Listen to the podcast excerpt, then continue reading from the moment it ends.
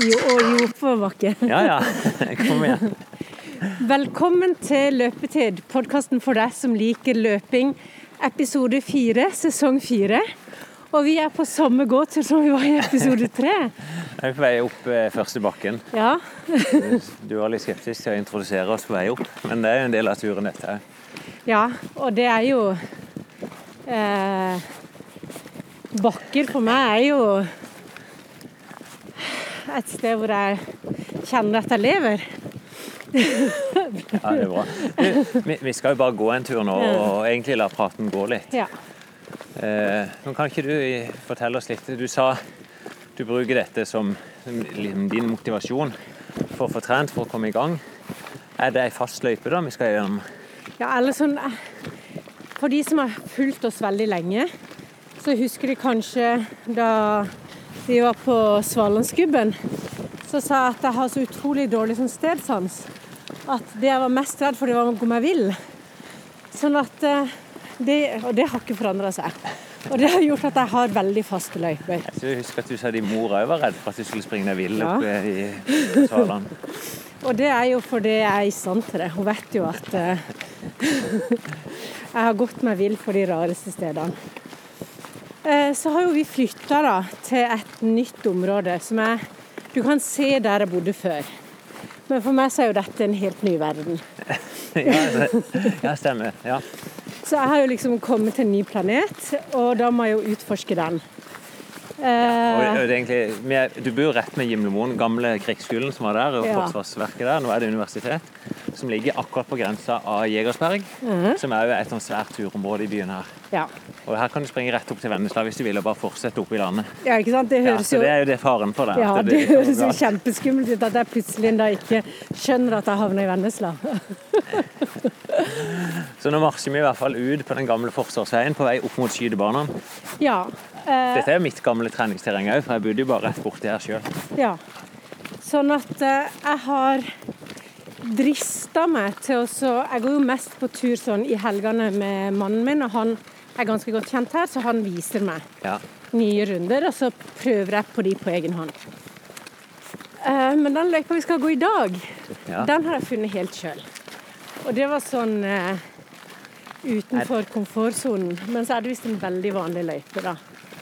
Ja, for det er altså vanskelig å finne. Ja, men Vi kan ta kikke litt på det underveis. Men du la som sagt i joggesko og tights. Eh, bruker du som trim, altså som at du blir andpusten, eller er det mer som en spasertur med du og Martin?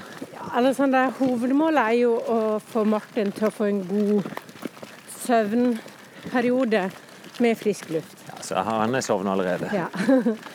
Sånn at eh, Men så har jeg, som jeg sa vel i episode to, hørt på de mor, og jeg skal få liksom høy puls én gang i løpet av turen. Det er viktig at hun kan få sitt sitat. Høy puls en gang om dagen. Ja. Ja, Der du skal gå litt på.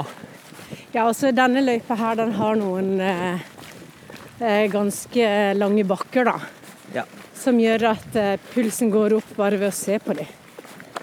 Så, så jeg tar det litt sånn Og så er det litt sånn det med eh, Å rett og slett bli litt sånn kjent med kroppen igjen etter fødsel og graviditet og Hvor lenge er det siden du fødte nå? fire måneder. Fire måneder. Ja, Så kroppen begynner vel å fungere igjen, gjør ikke det? Ting Ja. henger sammen i hvert fall. Ja, ja, ja. Absolutt. Men det er jo ikke bare etter fødsel, det er jo etter graviditeten. Og det tror jeg veldig mange glemmer, at eh, de alltid regner ifra fødselen. Men den siste tida i Noen har jo en veldig lett graviditet og sånn. Men De snakker vi ikke om i dag. sjøl så sa du jo at det ligna på en tvillingfødsel den dagen jeg faktisk fødte. Så jeg var jo veldig, veldig stor. Nå var ikke jeg til stede på fødselen, men eh, jeg har vært til stede på tvillingfødselen Ja. her. Men jeg så deg vel kanskje rett i Samme dagen. Samme dag. Ja, var det det? Ja. Du, nå ser jeg forresten du begynte å svette. Ja, ja, ja. men så bra. Dette er trening. Dette her er sånn der, eh, nesten sånn sosialantropologistudie for deg. Hvordan det er mulig å svette etter. Nei, du, eh, akkurat det, Vi har vel aldri snakka så mye om svette, men jeg, jeg kommer til å bli svett sjøl på turen. Ja. Det er nesten sånn at eh, når jeg beveger meg, så blir jeg svett. Ja. Og så når jeg stopper, så begynner jeg å fryse. Det, eh, jeg var jo seks år i Forsvaret, og jeg fryste enormt mye av det. Veldig behagelig selvfølgelig. Jeg blir fort varm. Ja, Veldig ubehagelig. Jeg blir fort kald ja. og blaut. ja, for jeg svetter ganske fort. Og det er jo nesten litt flauere for eh, jenter. Jeg vet, ja, Kanskje de føler sånn, men jeg Ja. syns jo jeg synes det er flott at folk svetter. Så Svetter, og så eh, Ja, så sier de jo at ny svette ikke lukter. det, ja, Nå har jo ikke du hørt episode tre ennå, men der viste jeg jo det i praksis at jeg bare skifta til tørt tøy rett etterpå. Ja. Og det lukter, og det lukter ikke I hvert fall lukter ikke jeg det sjøl. Nei. Ja, det gjør jo ikke det. Det lukter ikke svette før ja, Hvis du begynner på andre turen, så vil du nok begynne å kjenne at ting kan begynne å harskne til. Ja, men hvis du går med det samme treningstøyet to Ja. turer på rad Da begynner Å det å bli nei, drøyt. det Nei, da tror jeg de måtte ha evakuert eh, området her hvis jeg hadde gjort det. Nei, for jeg har ganske For meg så kan du lukte at jeg har vært på trening, da. Bare lukte lukter bak deg nå. Ja, det, det lukter jo ikke noe av det nå, i hvert fall. For det, du, og du svetter. Så. Men svette er jo ikke det samme som lukt. Det er jo Nei. sånn sett når det tørker og du får bakterier i det, og så, Ja. så begynner det å lukte. Så jeg er litt misunnelig på disse her eh, som kan gå på trening, og så kommer de på jobb, og så underviser de litt. Og så ser det liksom ikke ut som de har verken vært på trening eller De kan liksom få det til å se veldig Dette-. Ja, det er Noe vi gjør av og til med toppidrettere, er jo å måle hvor mye de svetter. Ja.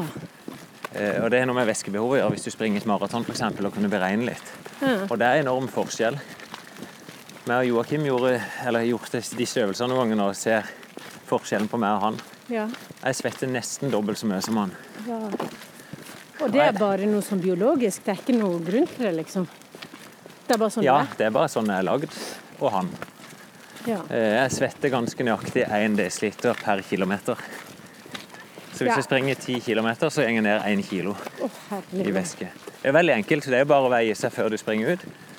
Fortrinnsvis naken eller i underbuksa, og så veier du er tilbake igjen Ja. på samme vis før du har begynt å drikke noe.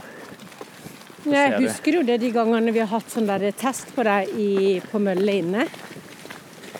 Hvor du har bytta T-skjorte underveis. Ja, det er jo sånne triks en må lære seg da etter hvert. Ja. Hvis jeg springer, kanskje når det begynner å nærme seg en time da med god løping, så da begynner jeg å bli så gjennomsvett at det renner ned i skoene. ja. Og så etter hvert renner over skoene, og da begynner det å bli bløt på mølla. Så da er det lurt å bare Da bytter jeg kanskje T-skjorte etter 40 minutter. Ja, da har jeg aldri opplevd svetting. For det har jeg ikke opplevd Ja, noe. Ja, det, det, er klart, det har jo noe med innsats å gjøre, men Ja. Først og fremst så er det bare biologisk at det, noen er født sånn. Så virker det for meg som at jo eldre en blir, så svetter en mer og lettere. Ja. Det er aldri testa ut, altså. Nei, men eh, Man ser jo ofte de der små guttene på barneskolen også, når de kommer inn i klasserommet igjen, så er de jo helt gjennomsvette fordi de har spilt fotball og Ja. Så det har vel litt med at de tar skikkelig. Sånn at eh, Ja, det har jo noe med innsats å gjøre. Ja. Det ser vi jo nå at som jeg sier, jeg blir jo svett av å bevege meg, men du blir mer svett for det. Ja, for jeg må ta med. Og så har jo du ei vogn som du driver og triller på akkurat nå. Jeg labber tross alt stille og rolig på sida med denne hårballen i hånda. Nei, men det er som eh, jeg tenker litt på, da. Eh, For det Vi snakker jo mye om løp og om eh, disse tingene. Men er ikke, vi må jo ikke glemme de som tenker på at det hadde vært fint å begynne å løpe. Nei, det, det er jo noe av det podkasten er for. Det er Ja. å inspirere til Vi sier jo til løpeglede, da. Ja. Eh, Og sånn som den vinteren vi har hatt, i hvert fall her i sør i år, så er det jo helt fantastisk å kunne benytte seg av turområder og bare gå ut og løpe. Ja, men det som er at ikke det er snø. Det er jo Det er ikke som, snø, og det er ikke glatt. og... det er mange som syns at det er veldig trist at ikke de kan gå på ski. Ja, men eh, dette er jo ikke podkast for deg som liker å gå på ski. Nei, det er mye. Sånn sett veldig fin vinter. Mm. Eh, vi er jo på fellestreninga vår så vi har sånn fast hver mandag. Ja. Og faktisk alle mandagene hele år. Og ja, egentlig fra november så har vi vært på Kristiansand stadion. ja. Så nå faktisk på mandag så var første økta vi la en annen plass, bare for å få litt variasjon. Normalt har det regulert seg sjøl, at stadion kan ikke brukes pga. snø eller is. snø, ja. Ja. Jeg husker jeg var med der en gang hvor det var snø og flomlys og Ja, Kjempekaldt. Det så veldig fint ut, men eh, ja, det er noe helt magisk på, stadion, altså på en stadion når det er mørkt og flomlysene er på, og du har en gruppe mennesker som springer, så er det Ja, det gir litt sånn frysning på ryggen, nesten. ja. Jeg ser de fotballspillerne som trener litt med oss av og til, de får jo veldig sånn følelse av høstkamp og cup. ja. At cupen nærmer seg slutten. Ja, Men eh, sånn som nå, da. Ja. Når man skal begynne å trene, så ga du meg noen gode tips i begynnelsen. Eh, og det var jo det å på en måte holde igjen. Ikke liksom gå ut for hardt. ja. Og du sa vel til meg at jeg skulle begynne å løpe ti minutter, ikke mer. Og jeg skulle gå i oppoverbakkene. Eh, kan du si litt om hva tanken bak det å begynne Ja. så forsiktig som det du sier? For det føles jo ikke som du er på trening, da. Nei, det er flere tanker inni der. Jeg tenker, det viktigste hvis du skal bli god i noe, så må du gjøre mye av det til syvende og sist. Men da må du være glad i det, og du må tåle det. Og jeg tror jo veldig på at heller gjør litt mindre enn det du tåler. Ha litt motivasjon igjen når du avslutter ei økt, sånn at du kan glede deg til det neste. Så, og det blir liksom, jeg tror jeg sammenligner det ofte med å øve på et instrument hvis du skal bli god til å spille gitar, ja, så må du selvfølgelig konsentrere deg, men du orker ikke alltid være toppkonsentrert. Nei. Og på samme vis er det med trening at sørg for at du gjør økter som, som du liker. Så heller litt mer rolig, sånn som vi gjør nå. Dette er jo trening, men du har det Ja. hyggelig på veien. Da er sjansen mye større for at du går ut på den neste økta.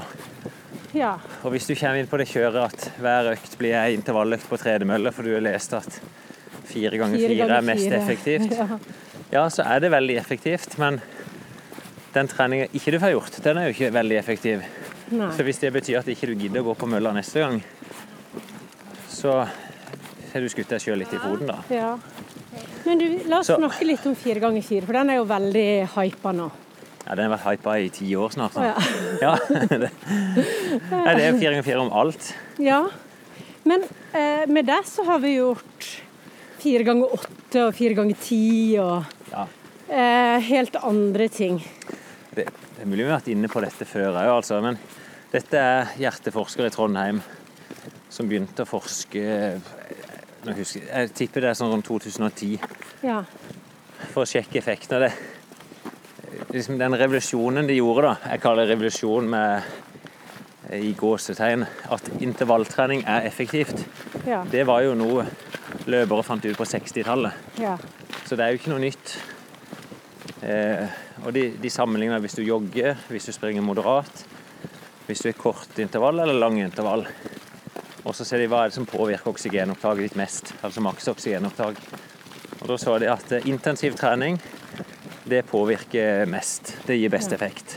For skal gi- hjertet. For, ja, for, for hjertet. Og det er det. De sier at hjertet er den største begrensende faktoren og den viktigste å trene opp. Ja. Og det trener du best med høy, altså høy intensitet. Og da sa de om du sprang 15-15 intervaller, altså 15 sekunder innsats med 15 sekunder pause, eller gjorde fire ganger fire, fire minutter innsats med fire, fire ganger, det gikk ut på det samme.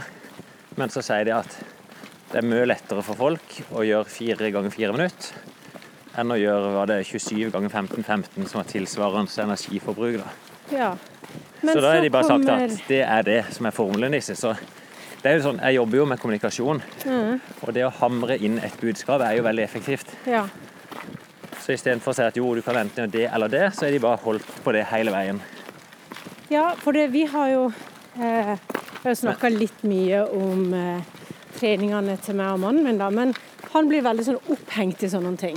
Ja, Sånn at eh, hvis vi gjør fire ganger fire, og så ser at egentlig så har vi nå Kanskje ikke gitt nok gass, da. ja. Så sier jeg vi kan jo ta en til. Så sier han nei. Nei, det blir jo litt tullete. da. Det er jo For det har jo med å si Du skal jo løpe de fire, sånn at når du er ferdig med siste, så er du Det jo- Det de målte der, var jo en gitt innsats, og da skal Ja. du holde opp rundt ja, over 90% av maks hjertefrekvenser. Ja. Så hvis du ligger på 85, Så kan du doble antallet og kanskje ha samme effekten på hjertet, men du kan ha en enda bedre effekt på muskulatur. Ja. Det, som, det blir jo veldig teknisk, dette òg, men eh, i den samme studien så målte jeg jo terskelfart. Mm. Og da ser du at den moderate treninga, selv om ikke den ga noe økning på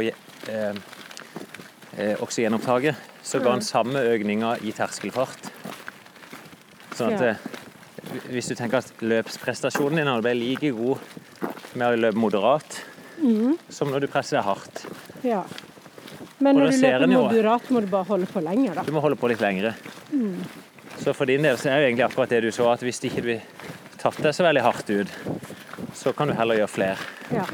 Og så ser du jo at de beste bygger seg opp. Å, de gjør selvfølgelig veldig mye rolig, som må til for at kroppen skal tåle trening.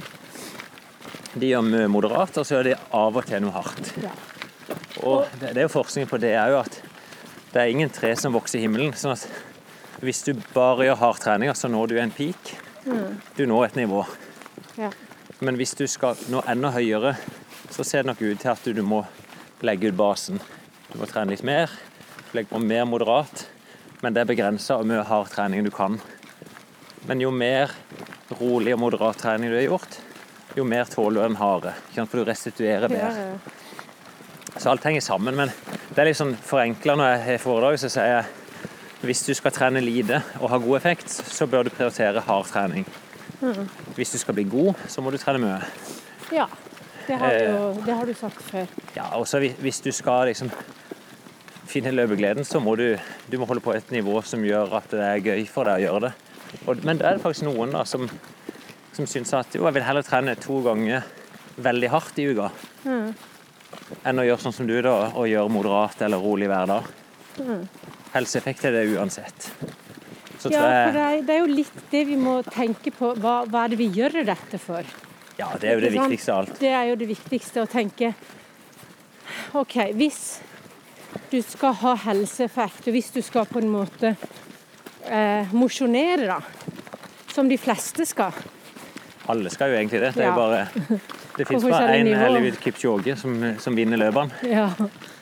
Så skal man tenke litt på at eh, det skal være OK å holde på med det også.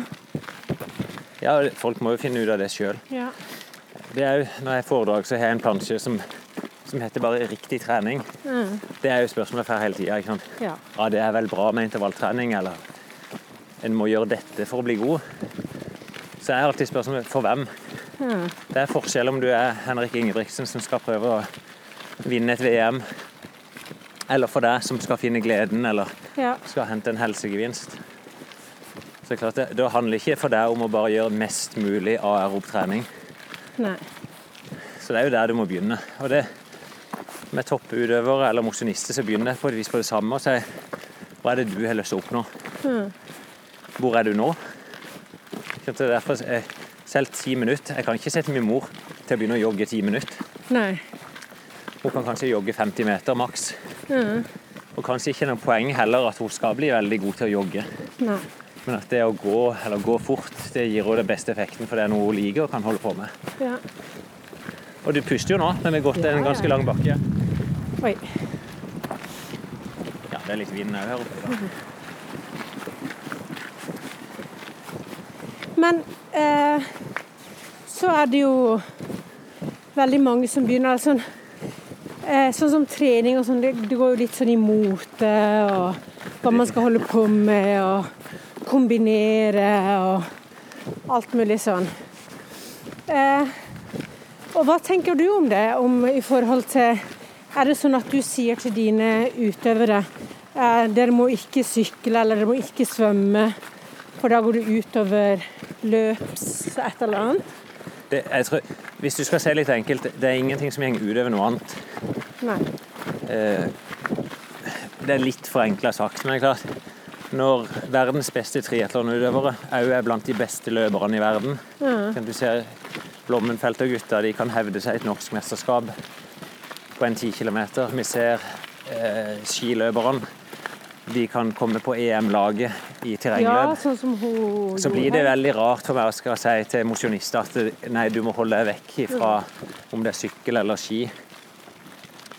Så Da handler det om å, å finne måter som gjør at du kan få god kondisjon på. Men så er det selvfølgelig det du gjør mye av, det blir du god i. Når du blir Så du blir ikke best til å løpe og sykle mye. Nei, Du blir best til å løpe av å løpe mye. du gjør det. Du blir god til å sykle av å sykle. Ja. Sånn hovedsakelig. Men det er ikke sånn at du blir dårlig til å springe av å sykle. Men du blir da dårlig fordi du springer ikke nok. ja. Og så har du litt med å eh, Hun ene skiskytteren, hun kunne jo plutselig ikke løpe eh, pga. skade og sånn, så hun måtte trene alternativt og har gjort det relativt bra. Ja. Så man kan jo kombinere det også. Og det ser vi jo mange av de beste løperne. Noen av de velger jo å gjøre alternativ trening hver uke. De kan ha en Ja. løpefri dag, men gjøre alternativ trening. Og det er typisk for løpere. De bruker ofte løping i vann, ellipsemaskin. Noen bruker sykkel, noen bruker langrenn. Alt funker. jeg. Jeg har sett det der løping i vann, det ser veldig rart ut. Har du prøvd det? Ja, det er jo ikke veldig moro, altså. Det, det ser rart ut, og det er litt rart. Men det er ganske effektivt da, når du har gjort det litt. Så det som er faktisk da, for de fleste løpere, hvis de begynner med alternativ trening, så tar det litt tid før du blir vant til det. Det kan være vanskelig å få pulsen, eller du blir bare stiv. Ja. Eh, Så selv med løping i vann, da, så må du kanskje gjøre det et par uker før du virkelig er i sving på det. Før det. det blir trening ut av det, og ikke bare Ja. sånn hundesvømming, nesten. Men det er sånn budskapet til folk at gjør ting som du blir motivert av sjøl. Ja. Jeg syns jo det er veldig vanskelig for meg å svømme, f.eks. Ja. Altså, jeg, jeg kan svømme helt bra, um, men jeg blir så lei av å kikke bare ned i et basseng. ja Men, det- men det blir jo som å springe på ei tredemølle. Det skal være god underholdning før jeg syns det er gøy på ei tredemølle. ja. Og aller helst så vil jeg ut, da. Jeg syns det er den største gleden. Eller ellipsemaskin, det liker du heller ikke. Ikke så glad i den. Og det jeg faktisk øver meg litt på nå, det er å av og til da, droppe musikk, droppe podkast og bare springe. Ja. Jeg opplever nok at tankene flyr enda bedre da. Og det merker jeg når, hvis jeg springer og hører på en podkast og tankene begynner å fly. Så hører jeg, da klarer ikke jeg å høre podkasten lenger. Nei, nei, da forsvinner Den lyden bak. Ja. Men det som er litt eh, med musikk og podkast og sånn, da, at eh, hvis man blir for vant til det, og så plutselig så kommer du og skal løpe en dag, er ikke hodetelefonene dine lada eller noe sånt, så blir man nesten litt hemma. Ja, Så tenker man sånn Nei, søren, nå kan jeg ikke ta i, for nå har jeg ikke den musikklista, eller ja, jeg vil anbefale folk å prøve begge deler. Høre litt på din egen pust og høre på ja, naturen rundt. Og så opplever du nok ganske fort at tankene flyr godt. Ja. Det som er mitt problem når jeg ikke hører på noe eh, musikk og jeg løper, det er at eh, kroppen akkurat som begynner å snakke til meg. da. Oi. Sånn Oi, nå har du litt vondt i kneet. Oi, nå var det litt eh, Ja, du blir mer bevisst på deg Ja. Eh, og har nok lettere for å gi meg, da. For hvis det kommer en veldig sånn tøff sang, da, som gjør at du svever litt, Ja, du, du kjenner at du blir motivert av musikken. ja. Og at du tar liksom litt mange opplever det. Og, og noen kan bli, altså, oppleve at de, når de hører pusten sin, så blir de stressa av det. Ja. Jeg, eh, folk må jo kjenne på hva de syns er mest behagelig sjøl, men i hvert fall en liten sånn oppfordring sjøl er å prøve av og til uten musikk. Det er jo helt fantastisk. Nå går vi rett utafor stuedøra nesten.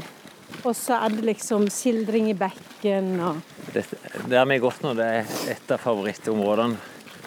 Det er jo rundt eh, Det er jo det, Vi kaller det jo Jegersparet. Ja. Dette er vel øvre og nedre papirmøllevannet der vi var nå. Eh, De er utbedra de stiene. Det er jo en sti som kanskje er to meter brei. Oppe på siden av en myr med en bekk, og så kommer vi nå ned til lysløypa. Dette heter jo Stikjønn. ja.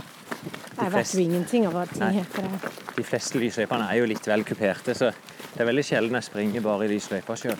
Ja. Jeg var her oppe i går og sprang. Vi har ei lita intervalløype rundt noe vi kaller Lille Runda på 500-600 meter, som jeg prøvde litt i går. da. ja. Den med Så- grønn slette? Ja. Ja, den har jeg løpt. Så det begynner, for min del jeg begynner å komme seg nå. Ja. Men når du tilbake igjen til eh, sånn som du har hatt ja, et, et fjorår som eh, var litt utfordrende i forhold til løping. Ja. med skader og mye å gjøre og sånn. Ja, ja. Og så, så begynner du nå å bruke løping mest for nesten, vi kan kalle det for terapi, da. Ja. Eh, hvordan responderer kroppen annerledes når du er fokusert på å løpe for å bli flink til noe, eller når du løper nå? Bare for å Nei, det lette var jeg, jeg, jeg, ser jo litt sånn generelt til folk at når du påfører et stimuli til kroppen, som trening, så kan ikke kroppen gjøre noe annet enn å ta imot det. Eh, og det, det ser jeg f.eks. òg når folk sier ja, du kan vel ikke drikke, du som driver og trener.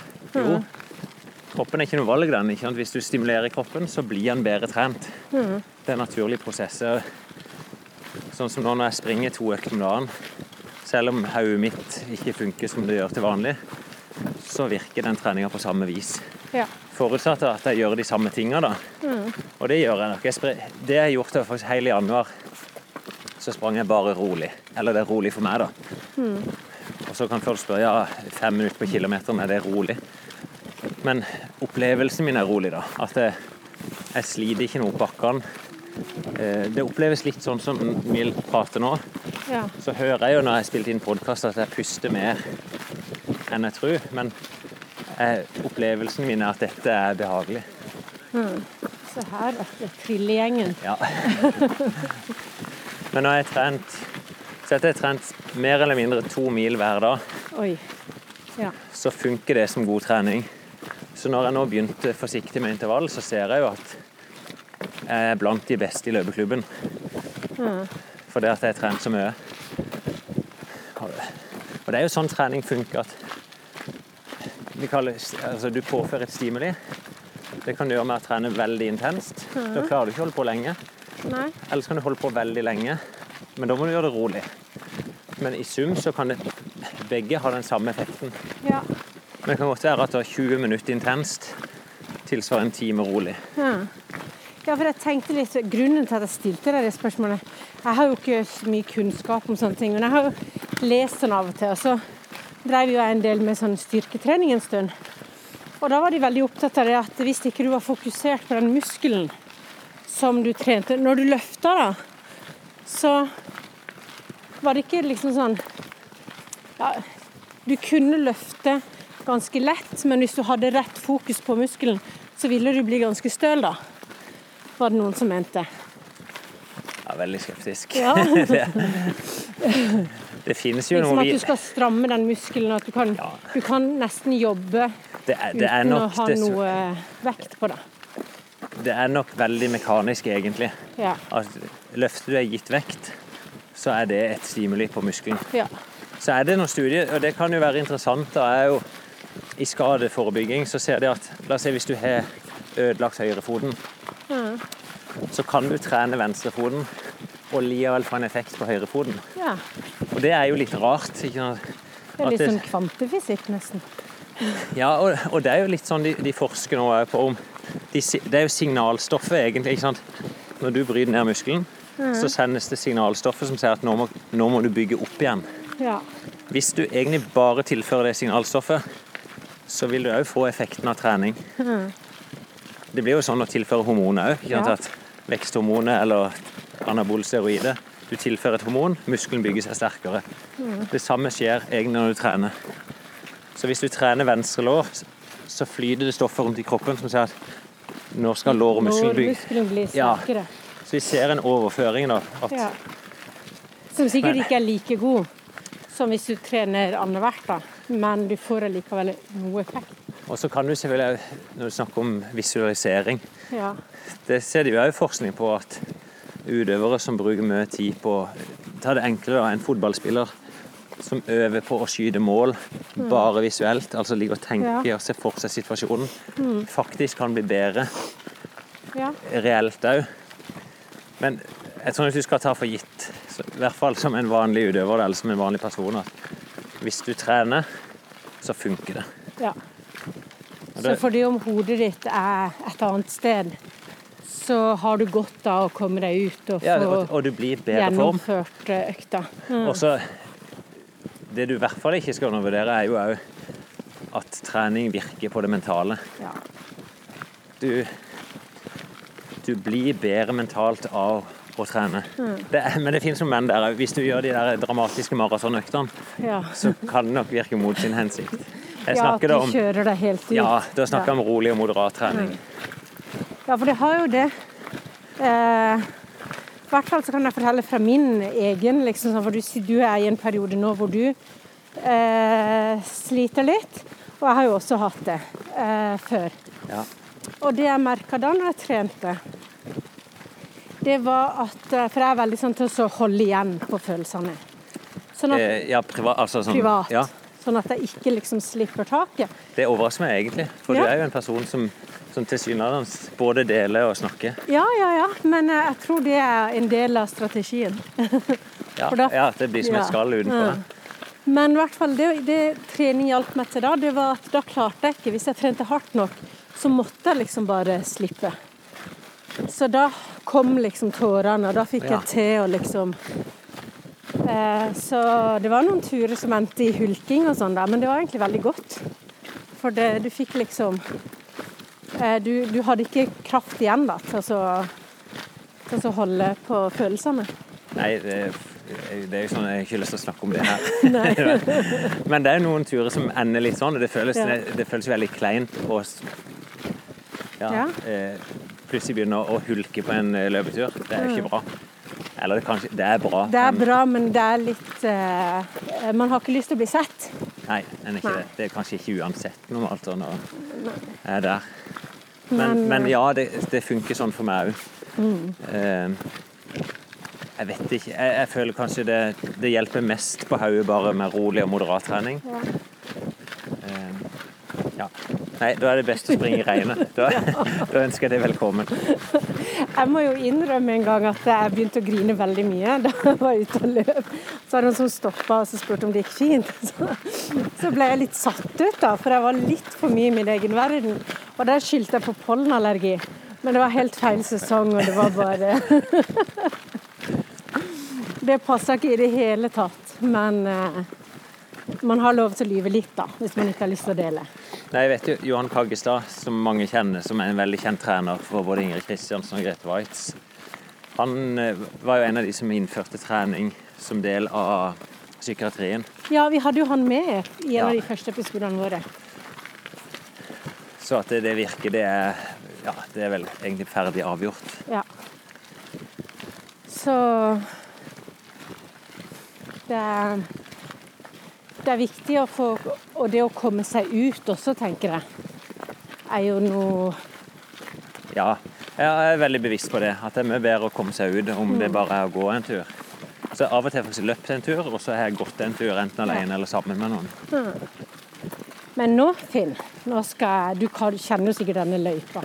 Men nå kommer det noen veldige bakker. Ja, vi, er, vi kom inn i lysløypa i stad, Ja. og så er vi helt nederst i lysløypa, inne mot noe som heter Gilsvann. Og så da aner vi at vi skal opp bakkene. Ja, nå er det noen bakker som er helt vanvittige. Jeg pleier å kalle det sånn kamelpukle her. For Ja. du, du skal opp litt, så er det flatt, så skal du opp, så skal du ned, og så opp til slutt. Ja, og så er det jo Den siste ser ut som en slalåmbakke, syns jeg. Det er jo Ja, det- helt La oss si eh, at det er tre bakker da, på ca. 80-100 meter hver. Ja. 10 stigning, litt bratt. Skal jeg ta vogna? Nei, nei, nei. nei. Dette er min trening. Ja. Så, men eh, jeg vet ikke hvor mye du får Om det er noe pust i det? Nå har Martin våkna litt. Ja, jeg tror han koser seg. Tror han koser seg ennå. Så, altså, her er det viktig å ta litt i, da, siden det er trening. Ja, du gjør Så, det bevisst. ja, og så tror jeg jo litt på det jeg sa i stad, så fokuserer litt ekstra på rumpa. Ja, men det kan du jo Stramme gjøre. musklene. Ja, og det kan godt være det blir feil når jeg sier at ikke det betyr noe, men det å gjøre ting riktig Og hvis du er på et treningssenter og bare Hvis du ikke gidder å løfte tungt, Ja. så blir du ikke like sterk som hvis du faktisk gidder. Nei. Men det jeg mener at hvis du først løfter gitt vekt eller gjør en innsats, Ja. så funker den like bra om du griner eller smiler. Oi, vent litt. Nå Jeg glemte å sende en melding i stedet Må bare Ja. Oi, oi, oi. Eh, skal vi se Kjartan Så var vi- det Vidar Stød på tur. Nei, det er hans pappapermisjon. Å ja. Nei 11.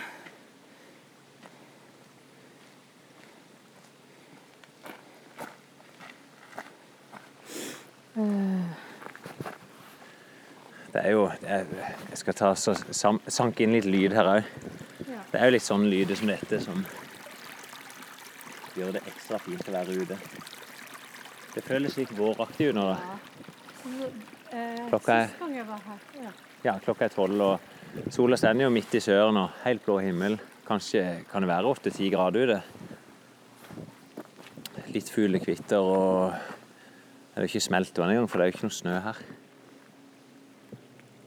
Men de, den lysløypa her, den er jo et sånn knutepunkt for veldig mange boligområder i Kristiansand.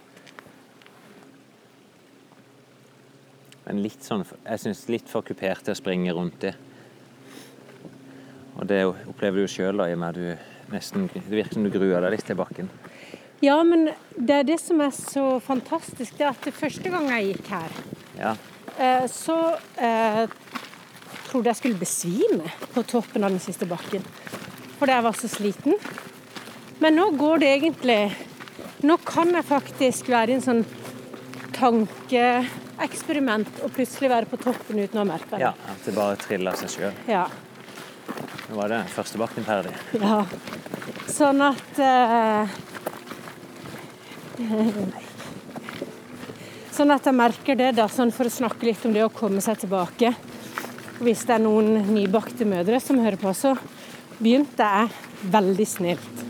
Jeg begynte med å gå korte turer, litt pga. at jeg var usikker på eh, Martin. Vi skulle jo også bli kjent. Hva er en kort tur, da?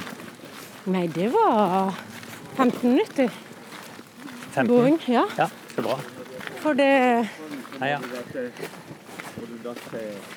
Jeg måtte liksom vite hvor lenge han kunne ligge i vogna. Eh, Jeg var uredd for å ta han opp ikke sant, ute og alt det der derre som man plutselig blir så usikker på når de er helt nye. Merker du at du blir usikker på nytt igjen, sånn som du ble med den første? Ja, det er helt forskjellig. Det er jo 15 år imellom. Ja. Er du blitt litt sånn gammel da, altså gammel mamma nå? At du, du kjenner sjøl at du er mer redd enn du var når du var eh, 20-25? Eh, Begge deler.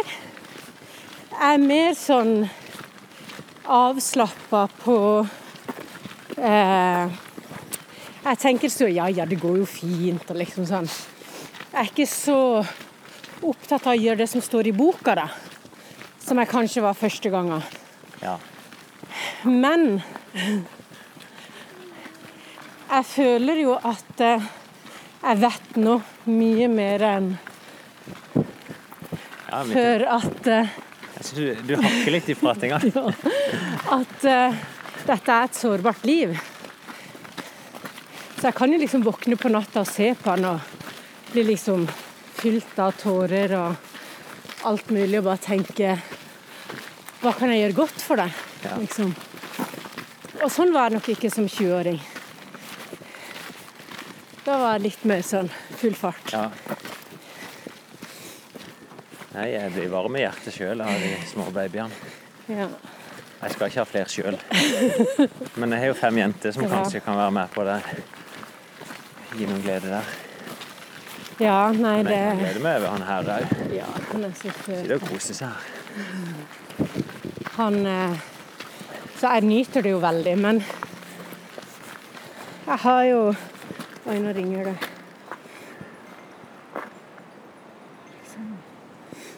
Hei, Aleksander.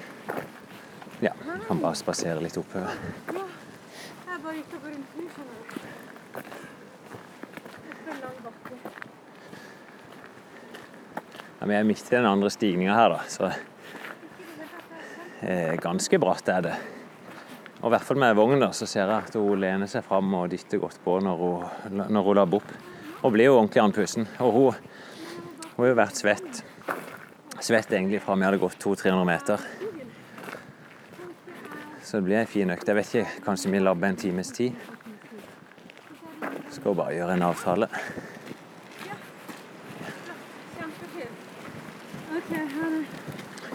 Oi. har en Det var mannen til venninna mi. Ja. Du legger aldri mobilen vekk da på løpetur eller treningstur? Jo, jo, jo. jo. Eh, Stort sett så har jeg ikke Eller har den på lydløst og uten vibrering, sånn at Ja. hører ikke. Men Det, jeg sa jo litt om det i stad, men det er jo litt sånn at vi bare legger mobilen igjen hjemme. ja. Og det er egentlig godt, for da slipper du det der stresset på at oi, nå må jeg følge med hvis det skjer noe. Ja. Nå skal det jo sies, da, hvis vi sammenligner eh, Finn og Ana, så er det to stykker som ringer til meg. Og det er det tre, kanskje. Det er min mor, og det er Ja. Kjartan, og det er Frida. sånn at eh, jeg blir nesten litt sånn overraska når jeg får en melding eller en telefon. blir glad. Ja. Så blir jeg veldig lei meg når det er sånne der reklamegreier. jeg prøver å roe ned antall telefoner sjøl. Ja. Gjøre meg litt mer utilgjengelig. Det funker, det. Når han slutter å ta telefonene, så slutter folk å ringe. Ja. Så jeg sitter igjen med en sånn munk Utenom meg, da, for jeg er jo ganske god til å mase. Nei, jeg har egentlig veldig avslappa forhold til både sosiale medier og mobiltelefonen og Ja. Så jeg lar virkelig ikke den ta over noe som helst. Så Men med en datter på 15 år som bare må gi en veldig viktig beskjed akkurat da, ja. Det er så. Jeg skal fortelle deg noe. Sist gang jeg var her, akkurat her vi står nå, Ja, da er vi nede i dump. nede i dump. så kom det et rådyr i full galopp herifra. Fra den det ene er flott. sida. Det er veldig flott. Det har jeg aldri sett før. Det er jo litt, det er mye dyr her oppe, og både rådyr og av og til ser du elg òg. Ja, Men det er jo Mamma er jo veldig redd for elg. Eh, OK. og det, Er det noe hun har nei, opplevd? nei, jeg tror hun er redd for dyr generelt. Okay. Men eh, jeg kjenner ingen løpere som bortimot ingen løpere som har opplevd noe ubehagelig er det med dyr da i skauen. Synes jeg fø- kanskje hunder først og fremst da, som kan i hvert fall irritere meg. Ja. At når du springer, og så Ja, hvis du kommer litt brått på Jeg sprang forleden. Da sprang jeg noe bakkeløp. Hvis du kommer litt brått på en hund, så vil de reagere da ja. hoppe på. Ja jeg tenker jo at hun er Hei sann. helt, eh, Ja, det var veldig koselig. helt ypperlig grunn til å stoppe og hilse og få seg noen pusteminutter. Ja. Jeg prøver å ta med i det at jeg skal ikke liksom være så opphengt i å Det stender ikke på livet løs om jeg fikk gjort det inntil Valderhagen. Nei. Så da snudde jeg bare og sprang ned igjen, og så fortsatte jeg. Nå kommer vi til slalåmbakken. Ja. Jeg vil ikke vil kalle det en slalåmbakke, for da ville jeg fått et inntrykk av liksom at det var noen sving og sånt, men det er jo en ganske bratt bakke bare rett opp. Tipper den er 100 meter. Og vi, det jeg forbinder denne med, det var Ja. her vi tok makspulstest før. Oh. Da sprang vi tre ganger opp. tre ganger Ja, er kom du helt opp til toppen. ja, det er en typisk måte å gjøre det på. da. Det, det, la oss si at du bruker som vi sier, 30 sekunder opp den bakken. OK. Springer du opp moderat hardt, altså eh, kontrollert hardt, da. Ja. Bare, da får du pulsen ganske høyt opp. Mm. Springer du ned igjen, så springer du alt du kan opp. Da vil du begynne å bli veldig stiv. Pulsen er kanskje nesten maks. Og så springer du ned igjen, og så alt du kan opp igjen. Oi. Og da vil du ofte nå maks sånn når du passerer midten her. Ja, jeg syns jo Nå går vi rolig. Nå merker du at jeg har gått ned tempo, ikke sant? Ja. Ja, men det er jo Nå er det opp. Og det er Jeg kjenner det, altså. Og du løper opp her. Sava. Ja, men maks er jo maks, så det, det, er noe, det er ikke en bakke jeg forbinder med glede. Det er det ikke. Nei. Men av og til bakkeløp er jo noe som kan være effektivt. Ja. Jeg tenkte, jeg- Vi hadde jo en i klubben nå som vi skal høre litt om i neste episode, som valgte å springe maraton i Tveitbakken. Oh, ja, jeg vet ikke når jeg tenkte på han sist gang jeg gikk her. Han sprang også maraton i en slalåmbakke. Opp og ned på en søndag. Syv og en halv time bare opp eller ned. Men nå nærmer vi oss slutten. Slutten av bakken, i hvert fall. Pleier du å stoppe, eller pleier du bare å gå videre? Nei, selvfølgelig går jeg videre. Ja. Men se så svett jeg. Ja, det er bra å høre. Så oppnådde det som mamma sa. Ja, Høy puls en gang om dagen. en gang om dagen. Nå er vi vel i praksis, tenker jeg, nesten ferdig med Altabakke. Ja, nå er det litt, en litt nedoverbakke, så Kanskje nå nærmer turen seg slutt, faktisk. Nei, det er et kvarter igjen, tenker jeg. Ja. eller 20 minutter. Du, noe annet jeg tok det opp med deg før vi begynte å gå. Ja. En sak som er preget av nyhetsbildet, i hvert fall for oss løpere i det ja, ja. siste, som er egentlig helt tragisk.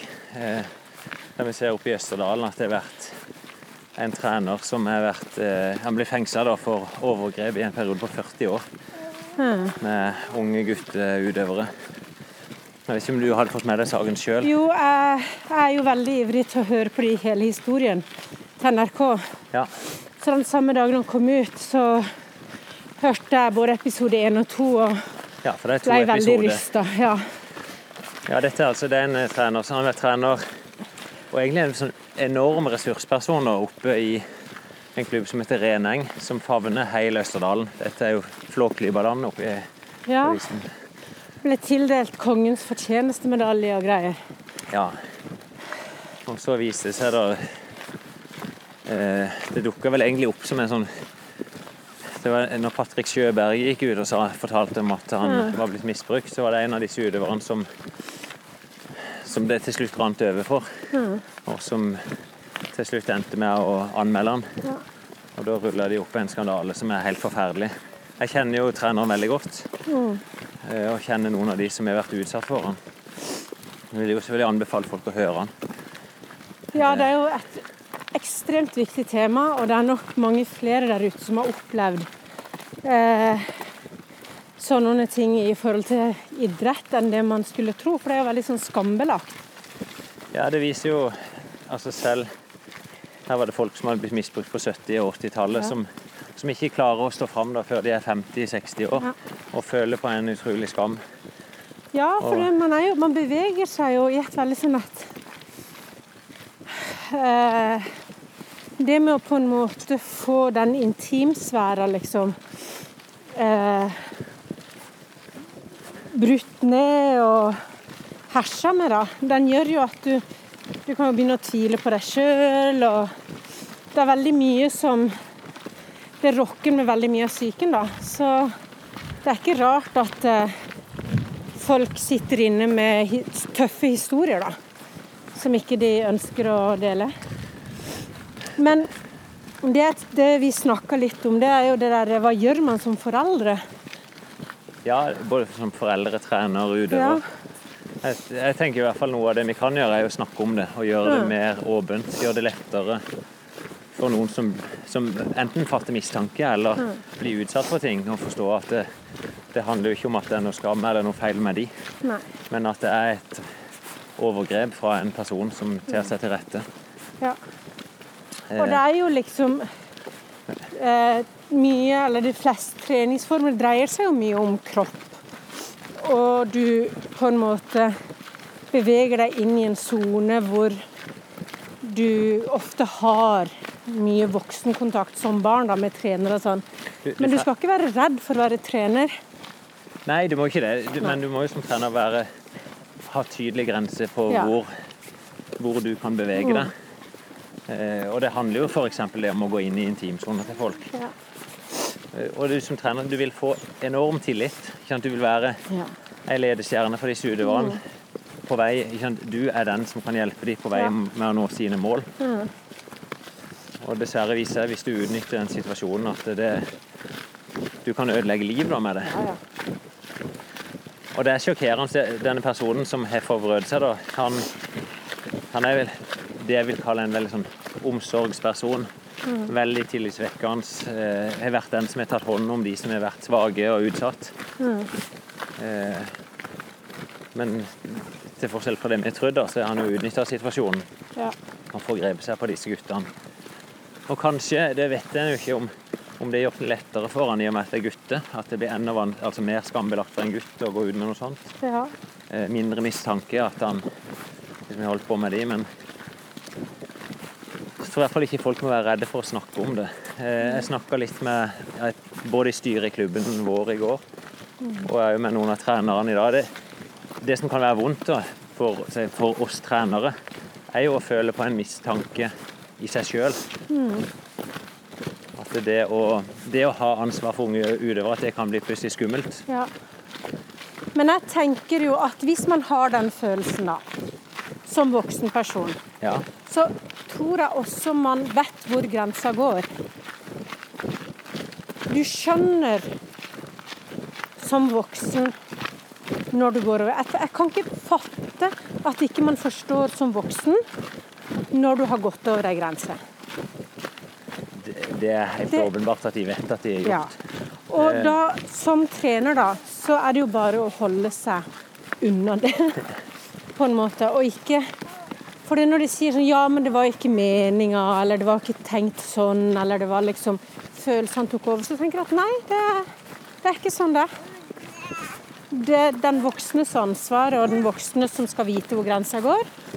Og det må man bare følge. Og hvis man føler på at man ikke kan det, så har man ingenting som trener å gjøre. Da har du ikke noe med ansvar for Nei, for barn og Eller for noen, da, hvis Nei. du tar det til rette. Det, det er jo så enkelt. Altså, du, du krysser ikke sånne grenser. Nei.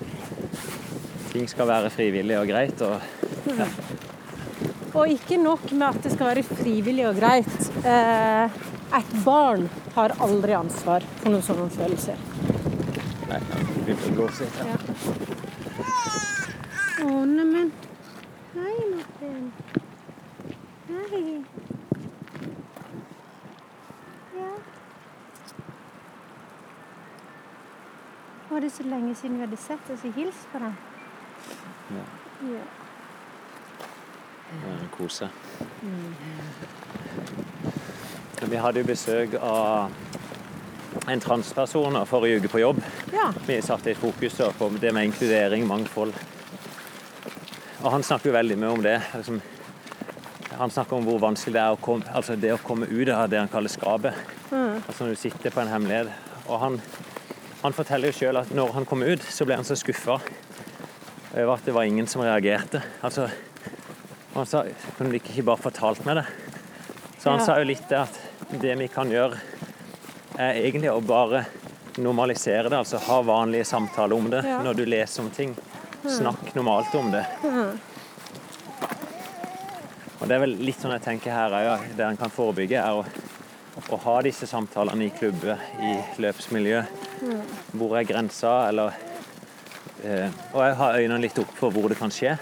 Ja, og som foreldre da, til eh, barn som driver med idrett, så er det jo også veldig viktig å snakke om det, og ikke være redd for å ta de tingene opp. Og Nei, det jo sånn si at eh, det er privat, og der skal ingen, liksom. Eh, så Det er jo sånn I alle klubber så skal, det, det skal alle ansvarspersoner ha en politiattest. ja. Men det er jo ikke noe garanti i seg sjøl om, om du gjør overgrep eller ikke.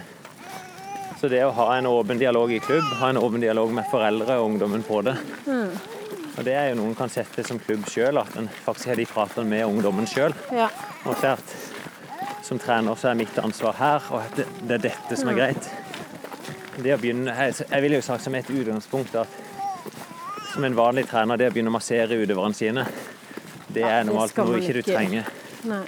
Da må det i så fall være at du er en fysioterapeut i tillegg. Ja. Så skal jeg ikke fordømme det som, liksom, som et for alle. Men du bør i hvert fall ha en god grunn for å gjøre det. Ja. Nei, det er ganske Jeg tror jeg skal ta han i babyen. Ja.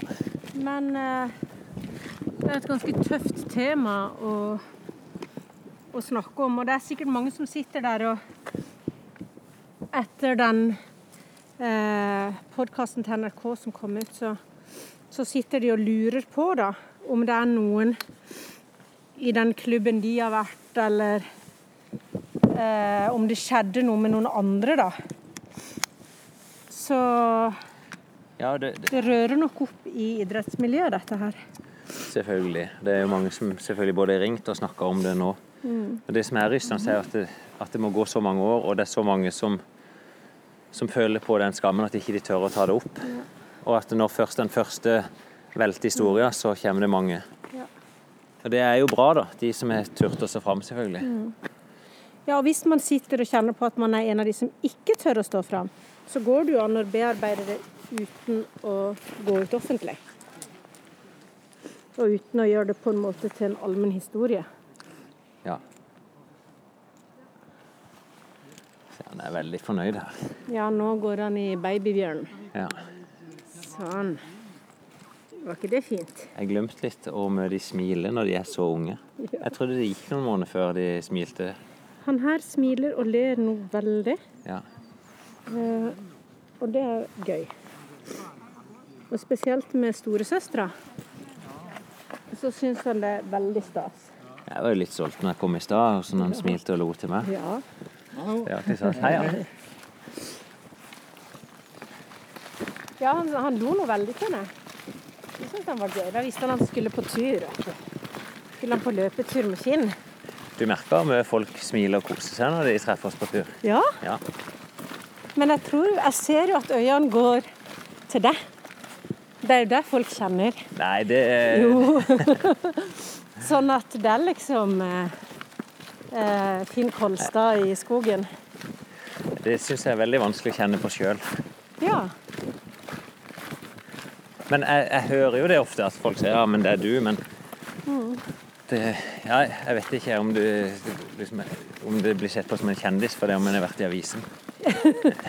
Nei, men det, jeg visste jo ikke hvem du var før vi begynte med podkasten. Eh, og jeg hadde jo aldri lest noe som dreide seg om løping i avisen heller. Sånn at jeg hadde ikke fått med meg at du var i avisen Nei. om løping. Men etter at vi begynte med podkasten, så har jeg skjønt at eh, du er liksom en eh, Hvis jeg kaller deg for autoritetsperson, så blir liksom litt sånn negativt lada. Men ja. du er en person som blir forbundet med at du kan mye om løping, da. Ja, det, Sånn løpenestor i Kristiansand.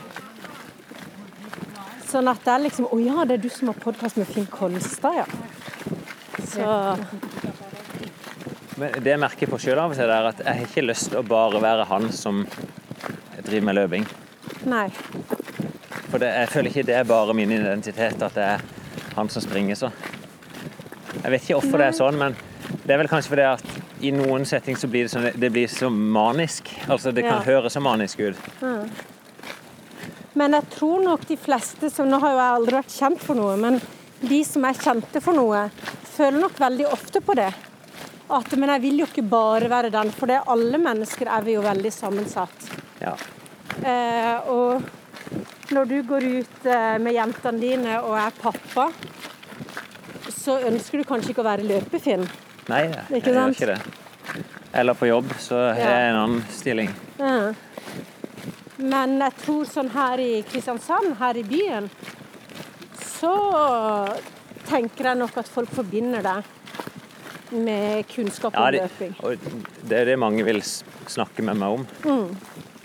Og så, Nå skal jeg ikke advare mot det, for jeg syns jo det er hyggelig å snakke med folk. Ja. Men jeg syns det er hyggelig å snakke om mye mer enn bare springing ja. og trening. Og det har vi jo fått litt innblikk i eh, i denne sesongen, da. Eh, hvor eh, vi har begynt litt med å snakke om andre ting, da. Som beveger seg i, i hverdagen. Som preger eh, løpelivet, siden vi har en løpepodkast. Ja, eller preger livet, egentlig. Det Ja. er jo livet til alle som har sine opp- og nedturer. Så det ble en litt brå overgang fra det tøffe temaet om eh, misbruk. Men det var litt vanskelig å avslutte det på en naturlig måte, ja. syns jeg. Det ble liksom litt sånn Ja. Eh, hvis det er noen som ønsker da, så skrive til oss og eh, har noen idé om hvordan vi skal ta det opp, eller sånn, så kan de jo skrive til oss. Ja. Men det er i hvert fall viktig å snakke om det. Ja, Jeg jeg anbefaler alle å lytte til den podkasten, for den var veldig god. Ja, hva var det het? NRK? Hele historien. Hele historien var det. Så nå begynner vi også å se sivilisasjonen igjen. Ja, det er kanskje greit å avslutte podkasten Ja. her òg. Vi kom opp en liten sånn bølge her. Omgitt av hester. Vi går forbi Jegersberg gård. Ja. Egentlig inngangsporten da, til Jegersberg og det området her. Og ser ut mot universitetet. Ja. Da kan vi ikke se at dette var Dagens trim. dagens trim. Er kanskje fem-ti minutter å gå igjen. Ja. Hvordan kan eh, føler du turen gikk? Jeg, jeg koser meg. her. Ja. Vet du, det kan vi jo avslutte litt med. For det er jo Hvis vi hadde skulle jogge, og jeg skulle jogge på dine premisser, Ja. så opplever jeg veldig ofte at folk blir stressa Ja. og sier at å, jeg må løpe fortere, for Finn kan ikke Løpe så seint. utsettes for å løpe så sakte. Ja. Så det, sånn sett så jeg opplever det mye lettere å akseptere at vi er på gåtur for det. Ja. ja, for jeg har jo merka det noen ganger når vi har vært ute og løpt. Så vil man liksom ta i litt, da. Ja. For deg, liksom. Men du trenger faktisk ikke det. Nei, jeg vet det, du har sagt det før. Ja. Ja. Nei, man, har ikke, man har det- ikke lyst til å være den dårlige alltid. Men Nei. det så blir man jo det. Men jeg må liksom anerkjenne det at se, om det er meg eller noen som er bedre, da, som har lyst til å være med deg på en rolig tur, Ja. så er det jo det på dine premiss. Ja. De, de ber jo ikke om å få være med på din tur for at du skal springe fort og pushe deg. Nei. Nei, du det sier det, men det er ganske vanskelig altså, å få til. Ja, og det er klart det hviler jo litt på den beste å klare å holde igjen. Det kan være vanskelig, for en er jo vant til å kanskje springe fortere. Men hvis en setter det premisset fra start at nå er vi her egentlig bare for å ha det fint sammen, Er det ikke sånn i militæret at det er, du er liksom ikke sterkere enn det svakeste ledd? eh, Nei, det, det Sånn er vel i livet uansett, kanskje. Ja. Så da, da kan vi jo bare holde oss til det svakeste ledd, da. For man blir jo ikke sterkere likevel. Nei. Så, men skal vi bare avslutte, da? Takk for i dag. Ja, takk for i dag.